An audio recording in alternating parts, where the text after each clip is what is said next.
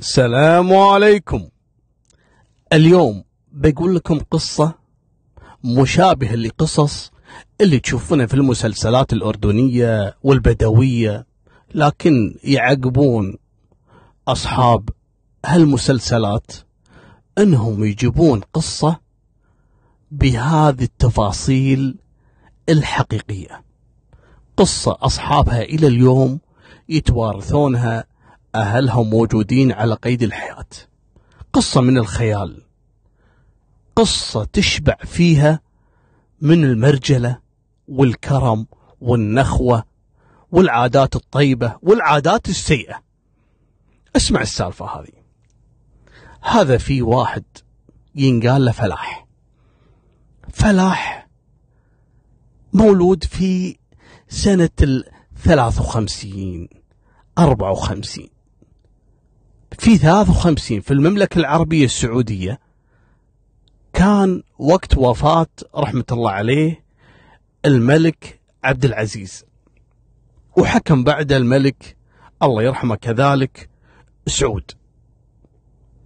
فجت الفترة اللي هي 55 سنة 55 جت عليهم كارثة بجميع المقاييس. تضرر منها أهل الخليج بالكامل يسمونها سنة الكسوف. وربعنا الكبار الشياب يعرفون هالقصة هذه. الكسوف هذا ليش سموه كسوف؟ عارفين كسوف الشمس. ظلمت الدنيا عندهم يومين ثلاث. وتصادف جاهم جراد لكن ما هو جراد طبيعي. مو نفس اللي نشوفه الحين يجينا كل فترة وفترة ويروح لا. الجراد اللي جاهم شيء يهول شيء مو طبيعي. خلى الأرض الأراضي اللي هي أراضي الرعي بالمناطق اللي فيها المملكة العربية السعودية والعراق والكويت خلى الأرض بيضة. الحلال ما لقى شيء ياكله. وحصل عندهم مجاعة والحلال ما يلقى شيء ياكله. موت الحلال بالكامل. نادر جدا تلاقي أحد عنده حلال يعني اللي صمد الفترة هذه. شيء وعارفين أنتم أهل البادية سابقا يعيشون على الله ثم على الرعي. وحلال ما في والأرض صارت بيضة الناس بدأت تجوع. حتى أيام حكم الملك سعود في سنة 55 بعد ما توفى الله يرحمه عبد العزيز كذلك الناس عاشت في مجاعة. سبحان الله جاهم على طول. بعدها بفترة بعد ما صف الحلال كله مات جاهم مطر ونبت الربيع من جديد. وصاروا يعيشون بخير لكن حلال ما في. سبحان الله الناس عندها فلوس لكن ما في حلال. صار يعني سعر الخروف شيء ما يوصف ما حد قادر يشتريه. واللي كان عنده حلال ومات صاروا تحت خط الفقر. لدرجة يذكرونها هذه معروفة أن الملك سعود رحمة الله عليه كان لا طلع من بيته يعني بالخط هذا خط الرياض كانوا الناس الفقراء يوقفون له على الشارع وقام يعطيهم القروش. القرش قبل يعيش البيت يومين ثلاثة تشتري فيه لكن المال صار ما له قيمة لأنه ما في حلال. والناس تبي تعرفون الغنم من الحليب من اللحم من الصوف من كثير كانوا يعتمدون عليه. مالكم بالطويلة. هذا ناهيك عن الأمراض اللي كانت تجيهم والأمراض مع أنها تكون بسيطة لكن سبحان الله ما كانوا يعرفون علاجها في ذاك الوقت بالخمسينات. تقول لي يا أبو طلال ليش ذكرت الحقبة هذه؟ لأنها مرتبطة في قصة الليلة. قصتنا حصلت في أم الجماجم. أم الجماجم معروفة تكون يعني قريب من النفود يعني حول صوب العراق تقريبا كيلو ونصف للنفود يعني. بعد ما تعبر النفود تروح العراق. هذه على خط يسمونه خط الكويت. هو دباية تراب. هو خط هذا خط البل أول.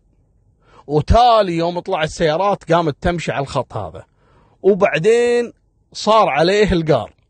والحين تشوفونه ما شاء الله سبحان الله كل زمن يتطور.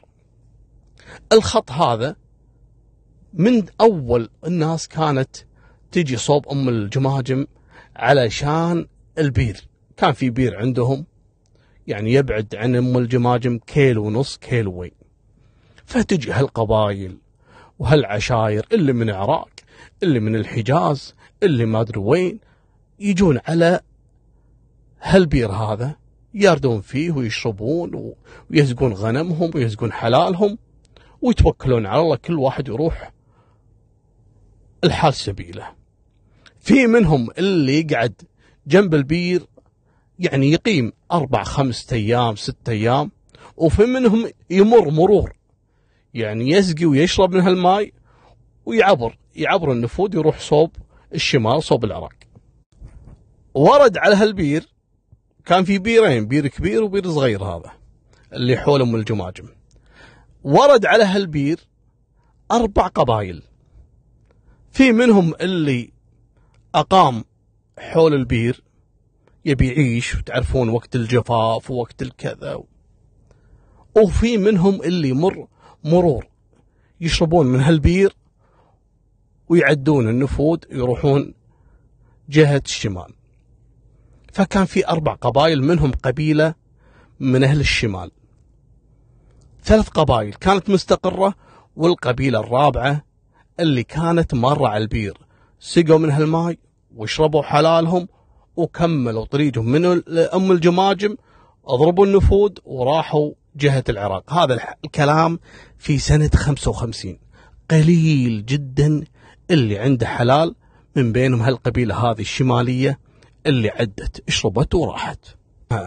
القبائل ترى كل قبيلة لها بير وتقاتل مع القبيلة الثانية إذا جت تبي تشرب من بير اللي تبعها. لكن أيام حكم الملك سعود الله يرحمه وحد القبائل ووحد المملكة العربية السعودية بجميع أطيافها. فصاروا القبائل تجي عند نفس البير وتسقي الماي وكل واحد يروح بحال سبيله وما حد يعتدي على الثاني. لذلك كان له فضل كبير جدا في توحيد القبائل أيامها. رحمة الله عليه. طبعا كذلك هالتفاصيل هذه مفيدة جدا في قصتنا. القصة للحين ما بدت. لكن بخليكم تصورون الموقف. في ذيك السنة 55 في ولد ينقال له فلاح. فلاح مولود في أم الجماجم. أم الجماجم كانت معروفة في ذيك الأيام أنها فيها ذيابة والذيابة معروف عنها أنها دائما تاكل الصغار في العمر. الصغار. ضاع الولد اللي ينقال له فلاح. اقعدوا هلا يدورون عليه يوم يومين ثلاث أربع. ما خلوا مكان في أم الجماجم. قالوا الظاهر الذيب كلها وهذه كانت معروفة أن الذيابة دائما تجي عند الناس المقيمة في أم الجماجم تجي عند الخيام تجي عند الناس اللي عندها حلال وكذا نايمة جنب حلالها ذيابة تشمشم تدور وين الورعان الصغار وتأخذ الورع وتركض فيه. لكن سبحان الله كل ما يبحثون يلقون آثار لهالجثث. الذيب دائما يترك آثار منها الأصابع ويترك فروة الراس إذا الشعر طالع الشعر فيه ما ياكله. أما كل شيء في الجسم ياكله. فقعدوا يدورون آثار للجثة حق الولد فلاح ما حصلوا قالوا أكيد إنه راح وسجلوه من ضمن الوفيات وانتهى الموضوع. الولد فلاح وين كان؟ شنو قصته؟ القبيلة الشمالية اللي ذكرتها لكم اللي وردت على البير اللي حول أم الجماجم وهي عابرة أصلا رايحة تضرب النفود وتروح للشمال كان من بين هالقبيلة هذه مرة عراقية وكانت ترعى في غنمها غنم أهلها وسابقا كانوا يخلون البنات يسرحون في الغنم مقدور عليها. أما الشباب والرجاجيل يسرحون في البل. فهذه المرأة العراقية كان عمرها حول العشرين. تسرح في غنم أهلها وتمشي مع هالقبيلة اللي سقت هالماي وعابرة رايحة للعراق بعد النفوذ. وهي ماشية في طريقها لهم سارين رايحين لديارهم. وتشوف لها طفل تحت الشجرة. تحت الشجر. هذا على أطرافه حين خلاص عدوا النفوذ. ولا هذا طفل قاعد له تحت شجرة وتجيه العراقية وتشوفه. شاف الطفل صغير عمره تقريبا ثلاث سنوات أربع سنوات. شو اسمك؟ قال اسمي فلاح. قالت خلنا أخذه معاي وأنا رايح لأهلي. ما تقدر تخليه أم الجماجم معروفة بالذيابة. هي استغربت إن هذا ما كلها الذيب يعني. ما تقدر تخليه وما تقدر ترجع. تخلي هالقبيلة هذه اللي ماشية قدامها والغنم اللي معاه وترجع حق أم الجماجم تسألهم إذا عندكم ولد ضايع ولا شيء. فقالت خلنا أخذه معاي. عنده أهلي هناك في العراق. وكانوا هم أصلا في منطقة عراقية لكنها أطراف المملكة العربية السعودية ما هم بعيد. فقالت لين وصلنا هناك يصير خير. خذت الولد فلاح معاها وتوكلت على الله. لين وصلت لأهلها. وهذا يوم وذاك يوم كبر الولد فلاح. طبعا فلاح يوم سألته قال اسمي فلاح يفهم الولد. عمره ثلاث أربع سنوات حافظ اسمه. لكن الولد كان في شيء غريب. يسمعهم يقولون مثلا قندرة حشاكم. قندرة يعني الحذيان هذه يسمونها قندرة أو الجوتي أو الحذاء. يسم يسمونهم هم قبيلة شمالية فيسمونه قندرة. هو شو يقول؟ يقول هذا حذيان. يقولون شفية اللي هي العمامة. هو الولد يقول هذه عمامة.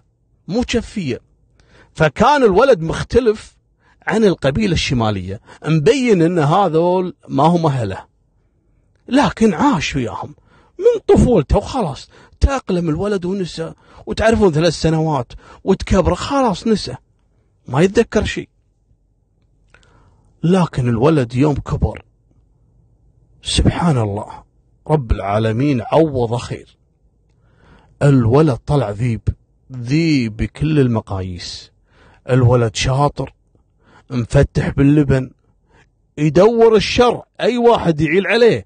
والله ما يهده يفترس الرجال افتراس. لكنه شخصية قوية شخصية له كلمته. أي شيء يحتاج مرجلة تلقاه هو الواحد أهل القبيلة اللي عاش بينهم القبيلة الشمالية يفتخرون فيه. طبعا خلاص اعتقدوا إن هذه العراقية هي أمه وربته وهو صغير وراحت الناس نسيت السالفة. العراقية هذه الله رزقها في بنت وكذلك رزقها بثلاث أولاد أصغر من البنت لكن فلاح يعتبر هو أخوهم الكبير. لكن العراقية هذه تموت في فلاح تعتبر هذا نور عيونها. فلاح عندها بالدنيا كلها. حتى زوجها قالت له شوف فلاح هذا مالك سلطة عليه ما تكلمه ما تضربه ما تغلط عليه ولا لك دخل فيه. انت عارف إن هذا ما هو لدك وأنا ملاقيته ومربيته ابدا ما تجيه وتكلمه. قال أنا ماني شغل. وفعلا فلاح كبر وشخصية وصار عمره بالعشرينات لا وأيامها توها طالع السيارات. فلاح يقول لك هو الوحيد اللي يفهم في تصليح السيارات. ابدا في العرب والقبائل كلها اللي حوله ما حد يعرف يصلح سيارة أول ظهورها إلا فلاح. فلاح جني كل شيء يعرف. فارس شجاع يودونه على التهريب ما التهريب. تعرفون العراق قبل فيها خير يأخذون منها الخير هذا ويروحون يبيعونه صوب المملكة العربية السعودية ولا صوب الكويت. ما في إلا فلاح. ياخذ يبيع رب العالمين رازقه ولد شايل البيت كله على راسه. هالعائلة اللي خذت العراقية هذه يعني أشهد إنها فازت فيه؟ والأم تفتخر فيه القبيلة كلها إذا واحد يبي ولده يصير رجال وشهم وذكي وشخصية يقول له رافق فلاح خلك نفس فلاح.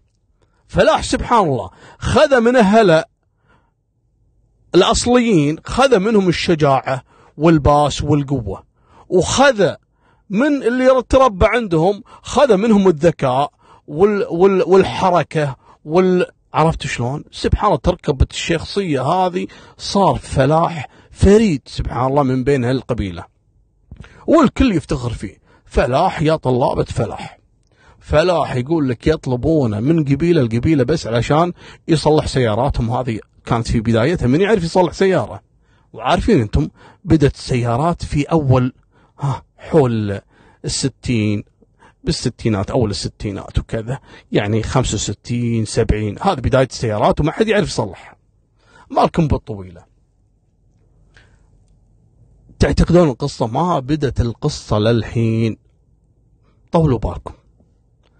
الأحداث والأكشن كله ما بدأ.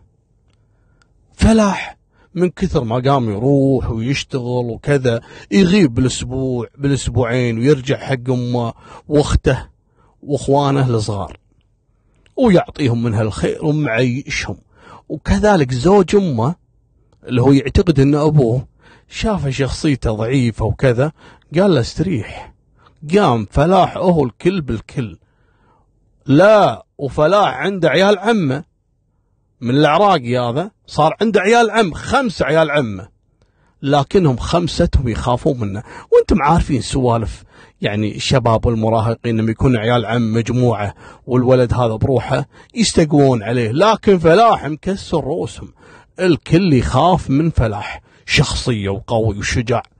فلاح كان شيء ما يوصف أيامها.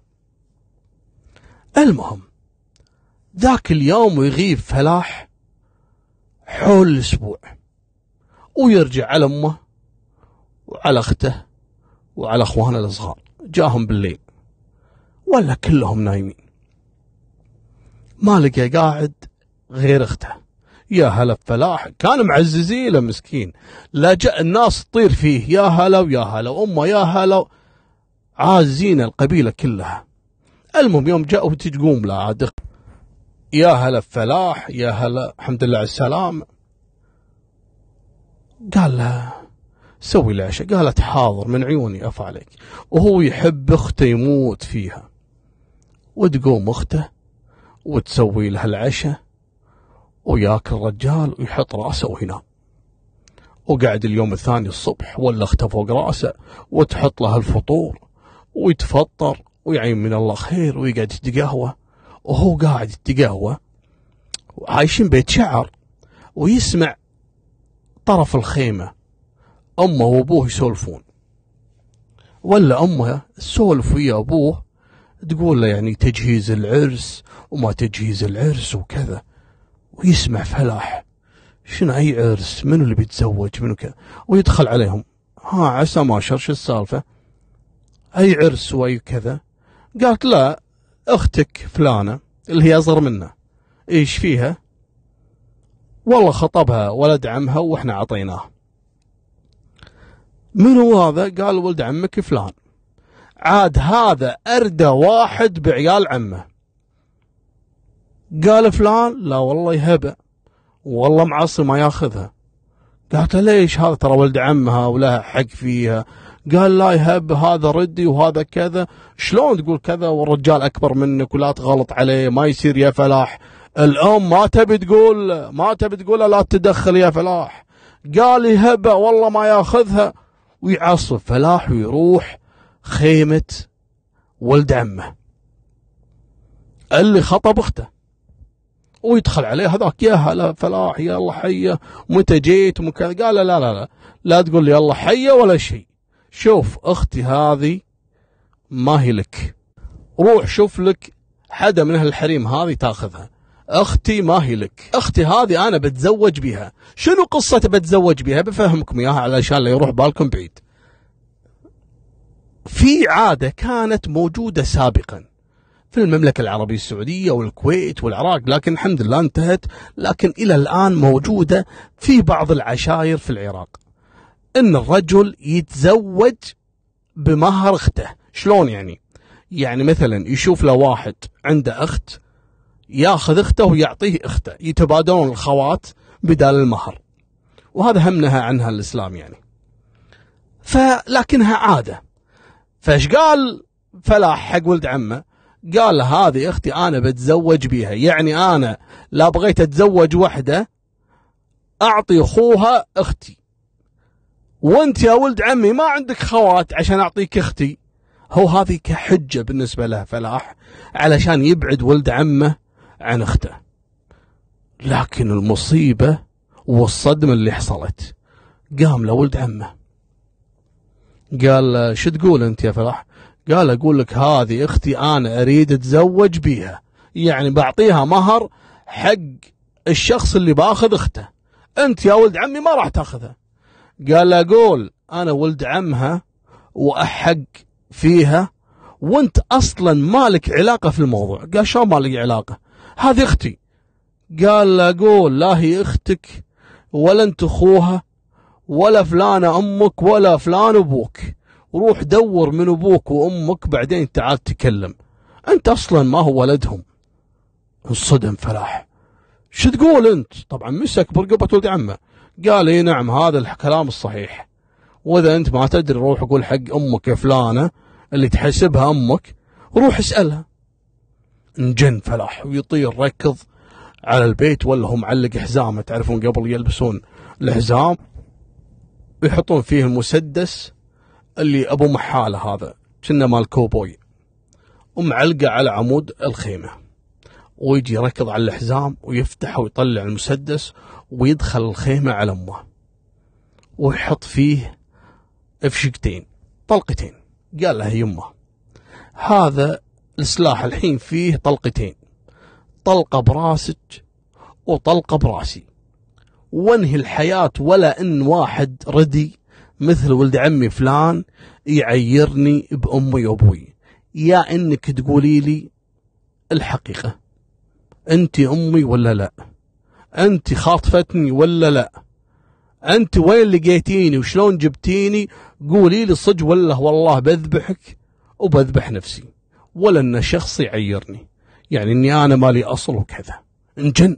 وهذا فعلا يعني الشيء اللي يقهر الرجال. لما يقولوا له أنت مالك أصل ولا أنت كذا.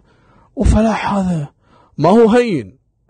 يعني شجاع وفارس ويجي واحد ردي مثل ولد عمه ويقول له أنت مالك أصل أو مالك أبو ولا مالك أم شيء كبير بالنسبة له. المهم الأم قعدت تبكي تقول له يا يبا أنت أصلا نور عيني. أنت لا تذبحني ولا تموت. أنا ما بيك أنت تموت لو إني أموت أنا بس أنت لا تموت. لا والله بقول لك الصدق يا ولدي. قال قولي. قالت له في ذيك السنة كنا نازلين على البير اللي جنب أو حول أم الجماجم. أيام ما كان القحط وأيام ما كان كذا ووردنا على الماي وشربنا منه وحلانا ومشينا ضربنا النفوذ وجينا على العراق وانت لقيتك تحت شجرة وانت صغير. وذيك الأيام ذيابة في البر. بيني أتركك لذيابة تاكلك ولا أخذك معاي. شيء طبيعي أني باخذك معاي.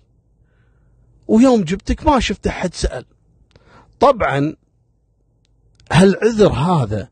هل هو صحيح؟ أم أنها هذه العراقية يوم كانوا نازلين عند البير؟ جنب أم الجماجم وهذول كانوا عايشين هناك اللي هو فلاح وهلا. هل اخطفته من بيتهم؟ ولا فعلا لقيتها في طريقها وهي رايح العراق وهي تسرح بالغنم؟ هذا الله يعلم فيه. مالكم بالطويلة؟ قالت أنا لقيتك في أم الجماجم والموضوع كذا كذا. أنا ما مخبي عليك. قال لها تمام.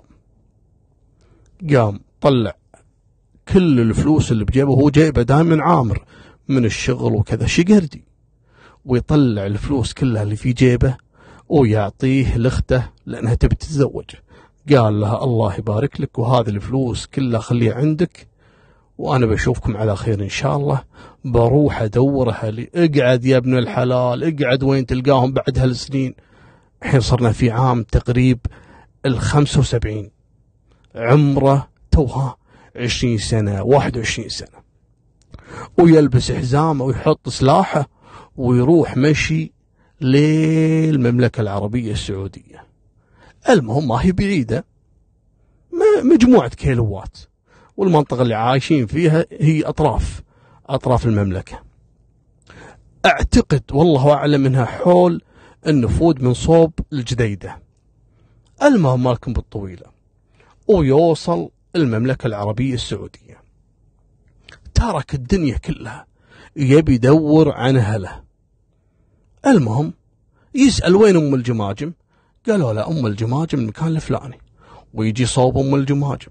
ويسأل منو الشيخ الفلاني؟ قالوا له في أكثر من شيخ. في الشيخ الفلاني وفي الشيخ الفلاني وكلهم ونعم ليش؟ قال والله أنا من أهل هالديرة هذه. وأنا في وحدة عراقية اعثرت علي قبل 21 سنة وهم كانوا سارحين في غنمهم وباتجاه الشمال واعثروا علي وأنا جاي أدور على أهلي. قال له ما بسأل منو الشيخ الفلاني اللي هني؟ اللي ممكن يساعدني إني أعثر على أهلي. قالوا له عندك الشيخ الفلاني والشيخ الفلاني والشيخ الفلاني لكن في شيخ معروف جدا وهذا كان أيامها في 75 يعني له معرفة في الملك اللي كان يحكم المملكة العربية السعودية الملك خالد الله يرحمه. قال أجل بروح الشيخ هذا. والشيخ هذا دام إنه يعرف الملك أكيد إنه بيحل مشكلتي. ويروح حق الشيخ. دخل على الشيخ. يا مرحبا يا هلا. آمر إيش بغيت؟ قال له والله يا شيخ أنا ينقال لي فلاح. واعثرت علي عراقية قبل 21 سنة في هالمكان هذا في أم الجماجم وأنا من أهل هالديرة لكني ما أعرف أهلي منو. وأنا عندي دليل.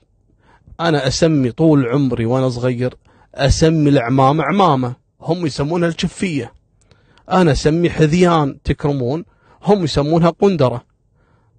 وأنا من وعيت على الدنيا واسمي فلاح.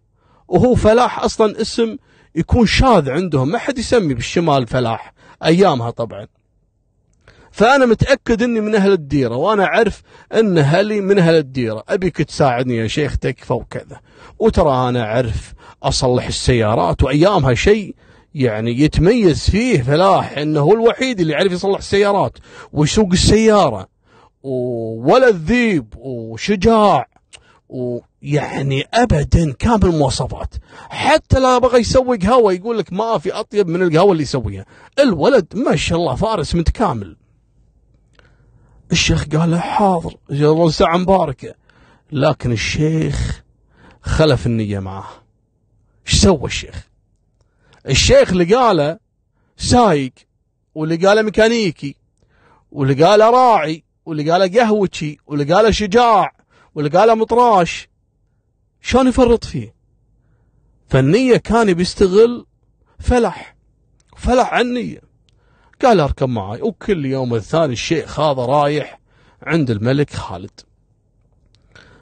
ويقعد فلاح برا مع الخدم ومع يعني هذول رفاقة الشيخ والملك وكذا لكنه ما يدخل عند الملك.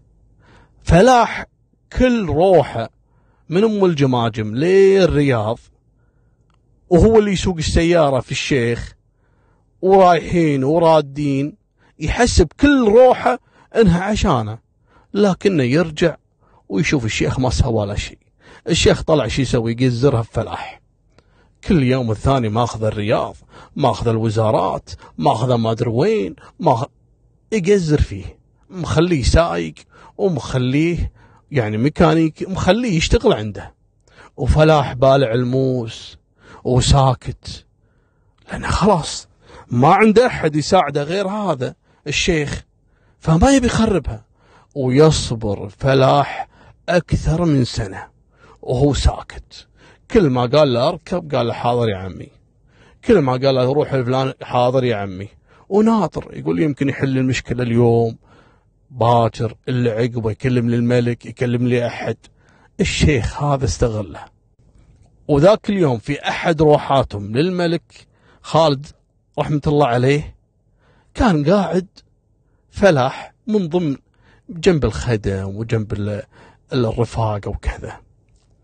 ويجي واحد يعني كان الملك خالد جدا متواضع مع الناس لكن في برستيج للملك. يعني ما يقوم لشخص إلا لما الشخص يجي يقرب جنبه وهذا بروتوكول معروف يعني. يعني لا قرب الشخص اللي في المكان اللي جاي يسلم يقوم له الشخص هذا معروفة يعني فما بالك إذا كان ملك. إلا شخص واحد.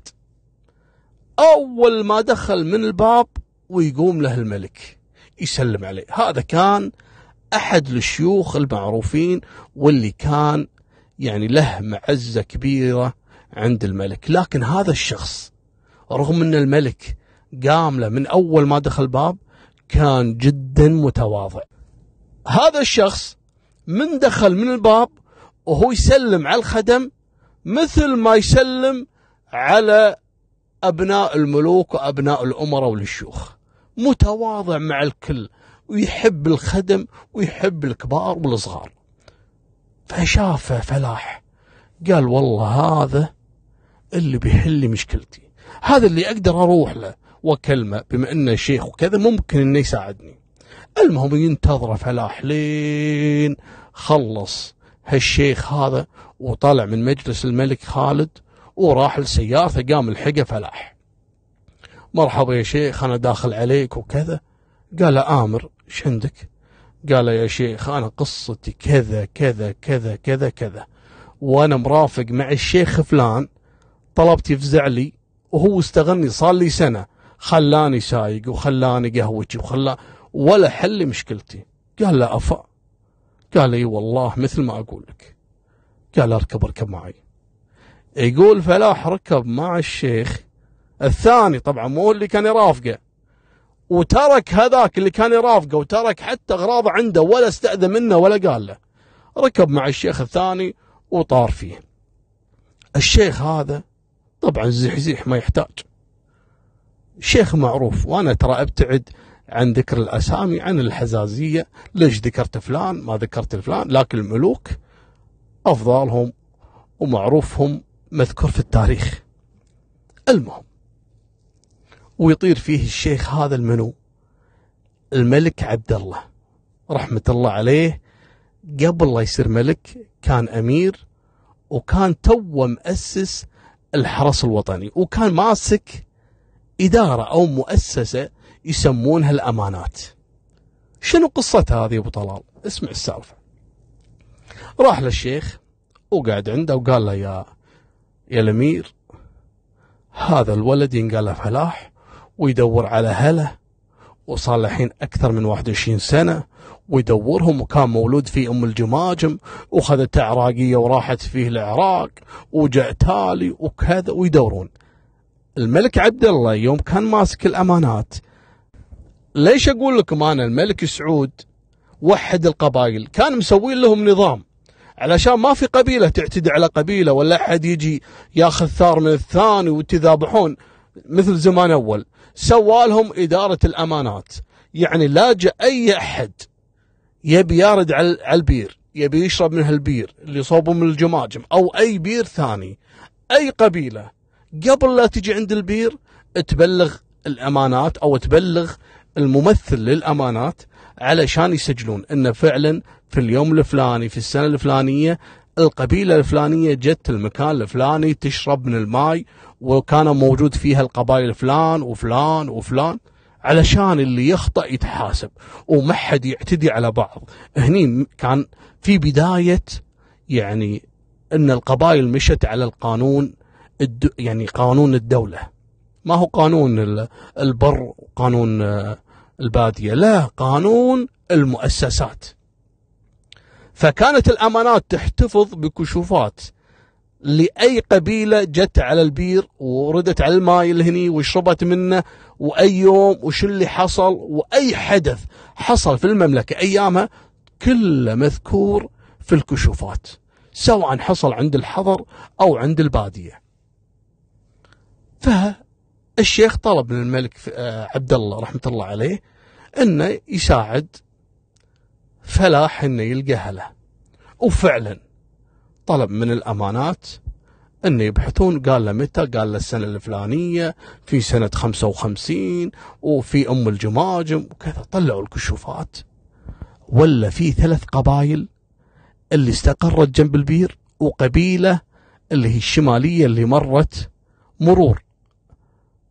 وضربت النفوذ وراحت صوب العراق. طلعوا الكشوفات. يبي يعرفون من القبائل اللي كانت مستقرة واللي ضايع لهم طفل أيامه. يوم سألوا وشيكوا كذا ولا كان في طفلين مفقودين من قبيلتين وكانوا في نفس المكان اللي انفقد فيه فلاح. الحين شلون يعرفون؟ شلون يعرفون إن هذه عائلته ولا لا؟ قالوا جيبوا لي هالعائلتين اللي مفقود منهم طفل. قالوا العائلة الأولى متوفين أهلهم لكن عندهم يعني واحدة من خواتهم موجودة وعندها خالتها. أما العائلة الثانية الأم والأخت موجودة. قالوا جيبوا العائلة الفلانية والعائلة جيبوا الحريم. الرجاجيل ما نبيهم نبي الحريم. علشان نتأكد وفعلا جابوهم. قالوا نبي الحين تجيبوا لنا أحد القصاصين قصاصين الأثر واللي عندهم علم في الشبه ولا الأثر وكذا علشان يعرف. فلاح ولد العائلة الفلانية ولا العائلة الفلانية. طبعا من أيامهم هو موجود قال العرق المري المعروف جدا في المملكة العربية واللي حفيده الآن هو كبير القصاصين في المملكة العربية السعودية اللي تبع الإمارة. آه الله يطول بعمره. هادي العرق المري أبو صالح الله يطول بعمره ويعطيه الصحة والعافية وأنا لي علاقة فيه. اتصلت فيه كذا مرة وبيض الله وجهه ما قصر على قضايا سابقة.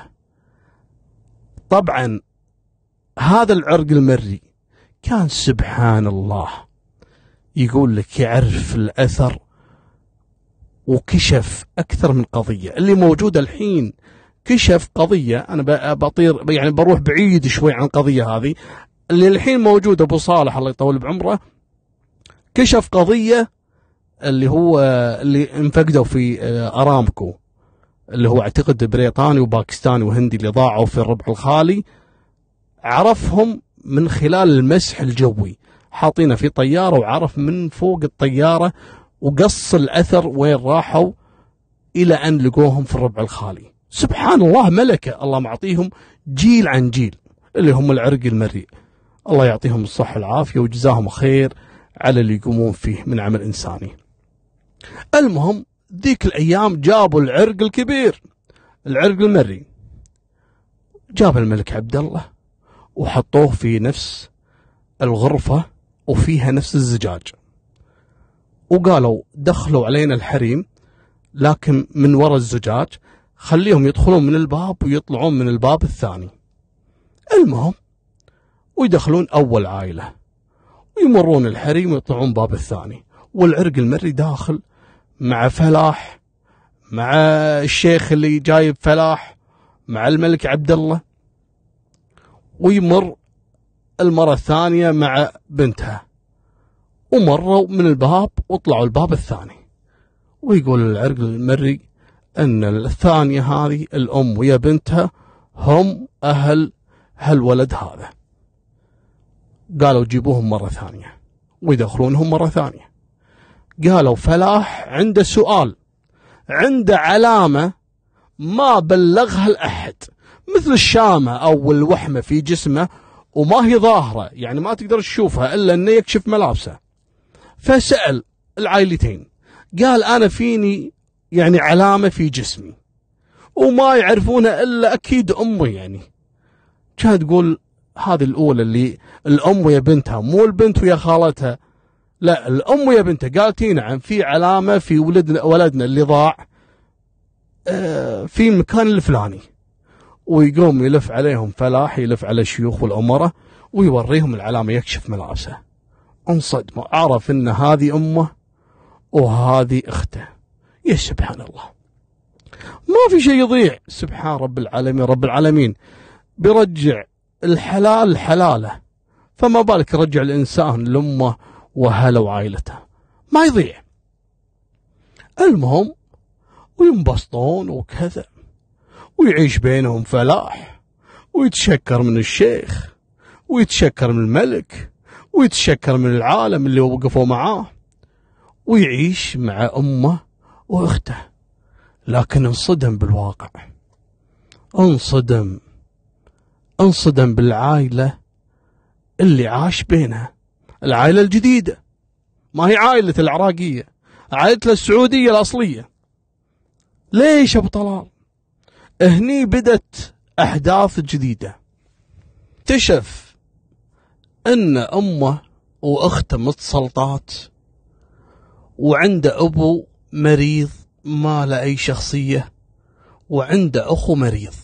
أخوه مريض يعني مريض بشخصيته. ضعيف ما عنده أبدا ما يتدخل بالمشاكل.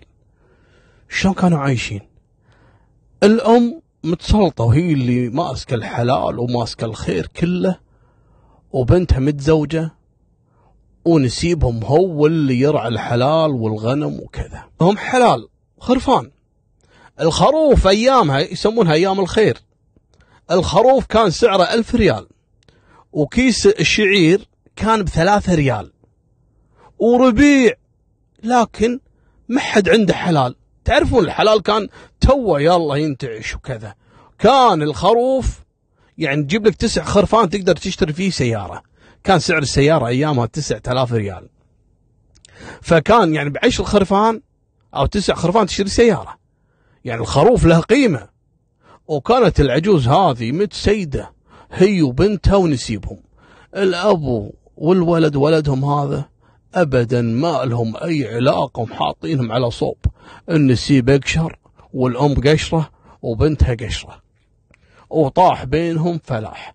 فلاح الزحزيح. هذا ما يمشي معاه الكلام هذا. قام يحاول ها هم بترشوا فيه. هذا من وين طلع لنا؟ حتى الأم ما تبيه. تقول هذا جاي يخرب علينا وكذا.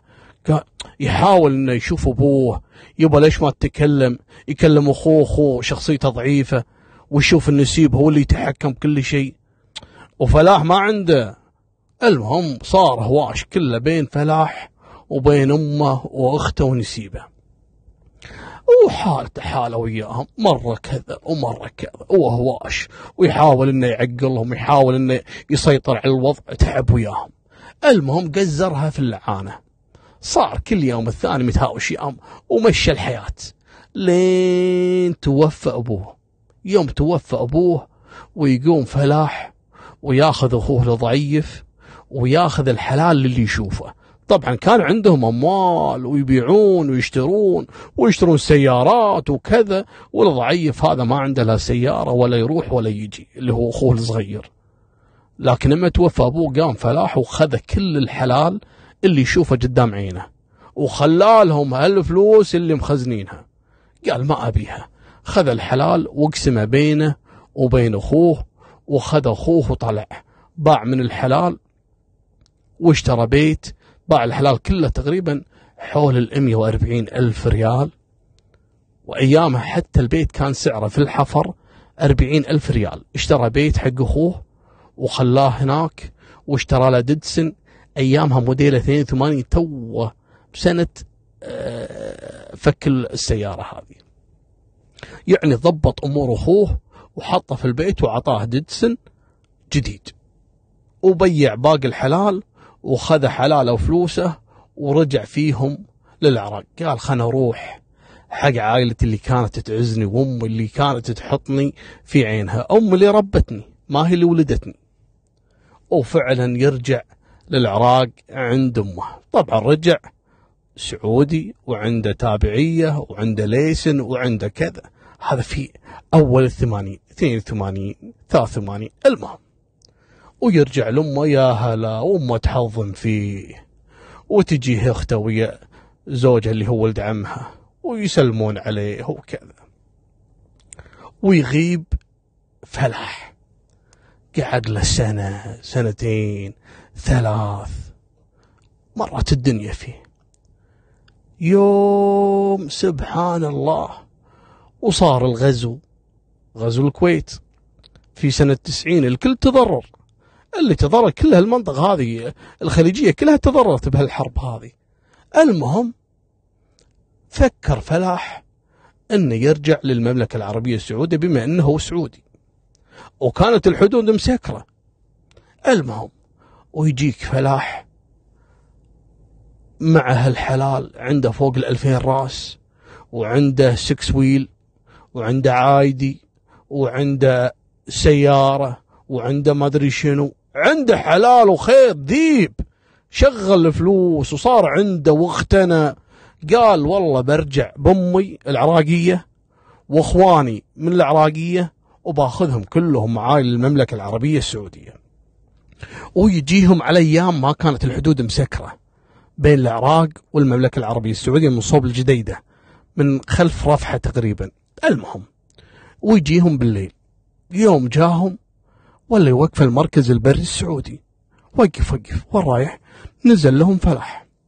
قال لهم يبا هذه تابعيتي أنا سعودي وهذه رخصتي وهذا كذا وأنا بدخل قالوا لأجل شنو الحلال اللي معاك وهالسكسويلات والعايدي والتناكر والدنيا.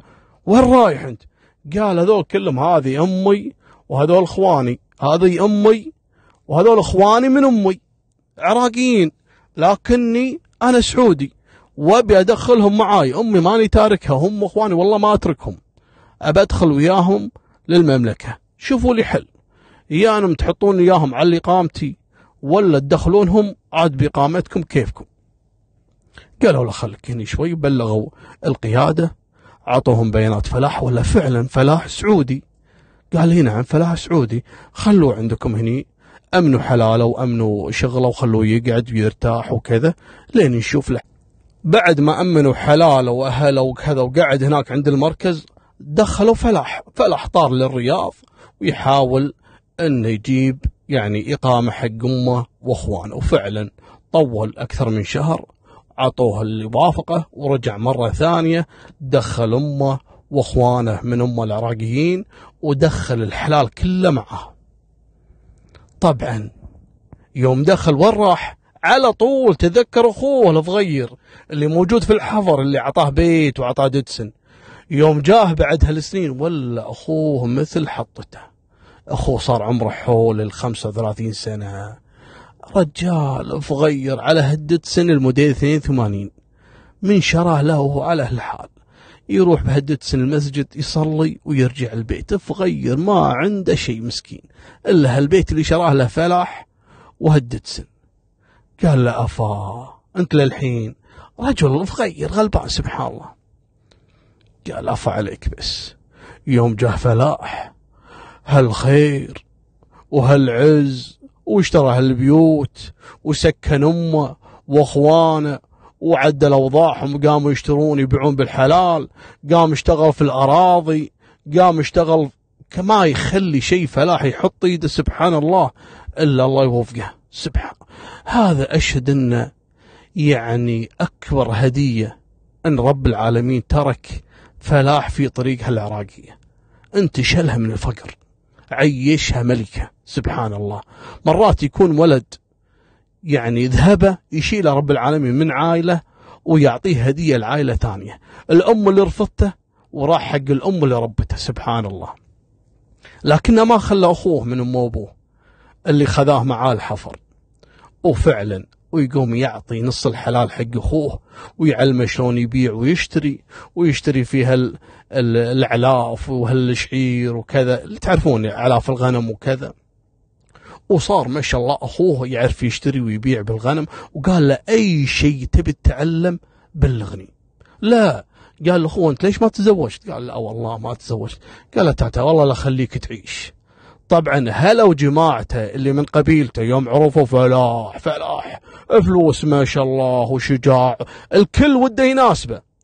قال لا والله ما أخذ منكم ويأخذ أخوه ويطير في سوريا ويزوجه واحدة شقرة ويأخذ اختها تزوج الثانية فلاح هو تزوج من العراقيه بعد تزوج هناك ويوم جاء المملكة. لا تزوج الثانية صار هو وأخوه عدايل. خذوا لهم هالشقر ورجع أخوه وعلمه في الحلال وأخوه ما شاء الله رب العالمين فتح له.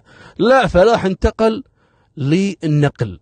قام يشتغل في هالتريلات ويودع العراق. عنده خواله وجماعته اللي تربى عندهم. وما شاء الله الله فتح عليه صار عنده أسطول نقل. مالكم بالطويلة في 2017 أخو فلاح ما هو فلاح فلاح عدى عدى الفقر بسنين ضوئية. أخو فلاح يقول لك الوحيد في 2017 يوم غلا الشعير وغلت الأعلاف وصارت الناس ما عندها تشتري.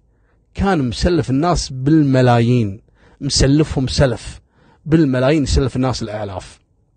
فما بالك بفلاح لرب العالمين فتح سبحان الله فلاح. سنع عوائل في المملكة وسنع عائلة في العراق. فوانا أخوكم خلوكم مثل فلاح ذيابة وشجعان وشخصية طيبة. هذه نهاية سالفتنا إن شاء الله إني ما طولت عليكم. وفمان الله مع السلامة.